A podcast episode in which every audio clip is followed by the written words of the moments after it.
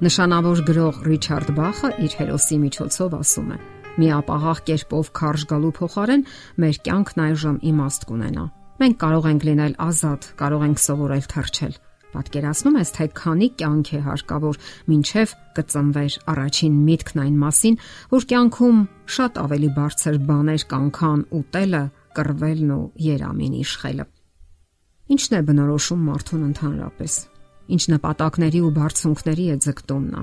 կամ արդյոք ձգտում է ինչ որ բանի, թե ապրում է այնպես, ինչպես կողքիններն ու համընդհանուր տարածված կարծրատիպերն են նրան առաջնորդում։ Այսօր համարյա մոռացության են մատնված Հիսուս Քրիստոսի հետևյալ խոսքերը, որոնք կարող են ուղեցույց ծառայել մարդու համար։ Դուք կատարյալ եղեք, ինչպես ձեր հայրը, որ երկնքում է կատարյալ է։ Կարևոր է նկատել, որ հունական բնագրում կատարյալ եղեք արտահայտությունը հնչում է այսպես. ձգտեք կատարելության։ Իսկ դա նշանակում է, որ մարդը պետք է ձգտի հաղթահարել մարդուն բնորոշ պահպանողականությունը, ծուլությունը եւ այնպիսի միջարիք, ինչպիսին է միջակությունը։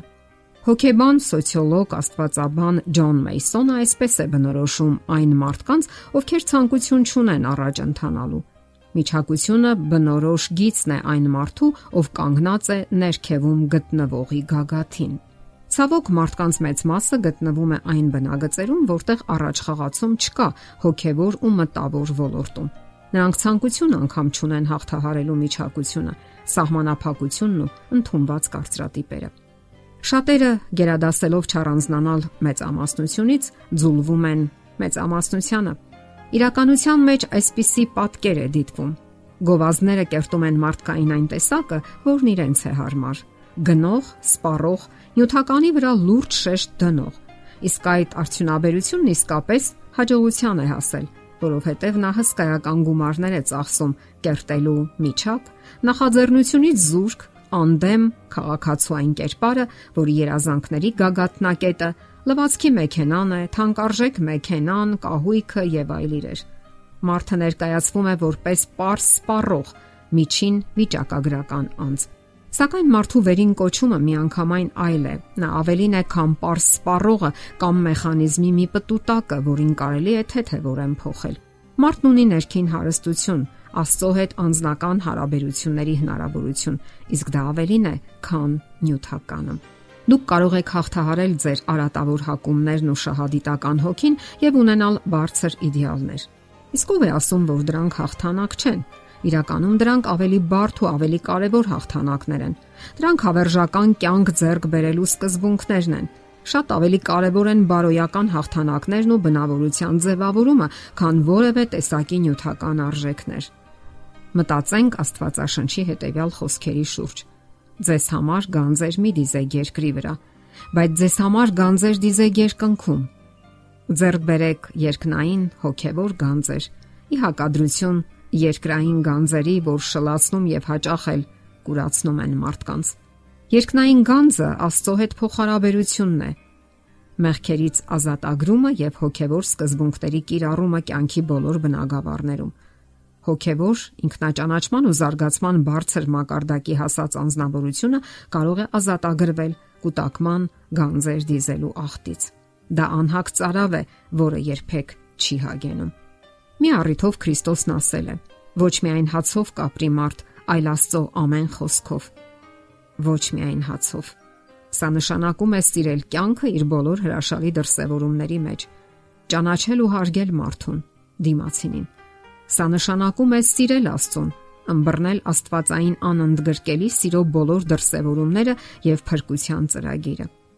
Հոգևոր գանձերը գալիքի հույսերի, նորի ու լավի ակնկալիքների կյանքն է։ Յուրաքանչյուր նոր օրը կյանքի մի խորթավոր էջ է, անսպասելի խորհուրդներով եւ հայտնագործություններով լի։ Այսպես ապրելով մենք առաջ կմաղենք կյանքը, ինչև կգա հավերժականն ու անվախճանը որովհետև այս կյանքը այս ձևով չի կարող անverջ շարունակվել։ Միշտ հիշենք այս ուշագրավ փաստը, որ նշում է սոցիոլոգ փիլիսոփա Դեքստեր Յաջերը։ Նա գրում է, որ մարդկանց 20%-ը պատասխանատու է առաջընթացի 80%-ի համար, իսկ մնացած 80%-ը առաջընթացի 20%-ի համար։ ինչպես ասում են, մեկնաբանություններն ավելորդ են։ Լինելով երանդուն եւ նախաձեռնող, մենք առաջ կմղենք կյանքը, վայելելով ներկայի հրաշքը եւ ապագայի խորուրդը, այլ ոչ թե անցյալի հուշերն ու տագնապները, անպտուղ կյանքի հիասթափությունները։ Յուրաքանչյուր նոր օրը Եզակի Աստվածահայտնություն է քրիստոնյայի համար եւ Աստծո կամքը, որ կարելի է հասկանալ ու բացատրել Աստվածաշնչի լույսի ներքո։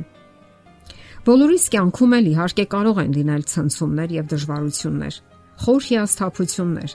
որոնք կտարուբերեն մեզ եւ նույնիսկ կսպառնան մեր հավատքին։ Ընթունենք դրանք որպես իրականություն, որպես այս կյանքի անխուսափելի մասնիկ։ Հնարավոր է այս կյանքում երբեք էլ չստանանք մեր բոլոր հարցերի պատասխանները, սակայն դա չի կարող խաթարել մեր հոգևոր կյանքը։ Մենք կարող ենք չհասկանալ Աստծո բոլոր գործողությունները, բայց կարող ենք վստահել նրան։ Իսկ մի օր մենք կհասկանանք նրա բոլոր գործողությունների իմաստը։ Աստված ավելին է, քան մեր բոլոր հոգսերն ու տառապանքները։ Ճանաչել Աստծո կամքը ամեն օր։ Ամեն օր մեկ քայլ առաջ դեպի պայծառն ու գալիքը, ինչև կգանա, որ գալու է։ Իսկ նա գալու է։ Ահա ձեր հաղթանակների ուղին, եւ դա միանգամայն հնարավոր է։ Եթերում է ղողանջ հավերժության հաղորդաշարը։ Ձեզ հետ է Գեղեցիկ Մարտիրոսյանը։ Հարցերի եւ առաջարկությունների համար զանգահարել 033 87 87 87 հեռախոսահամարով։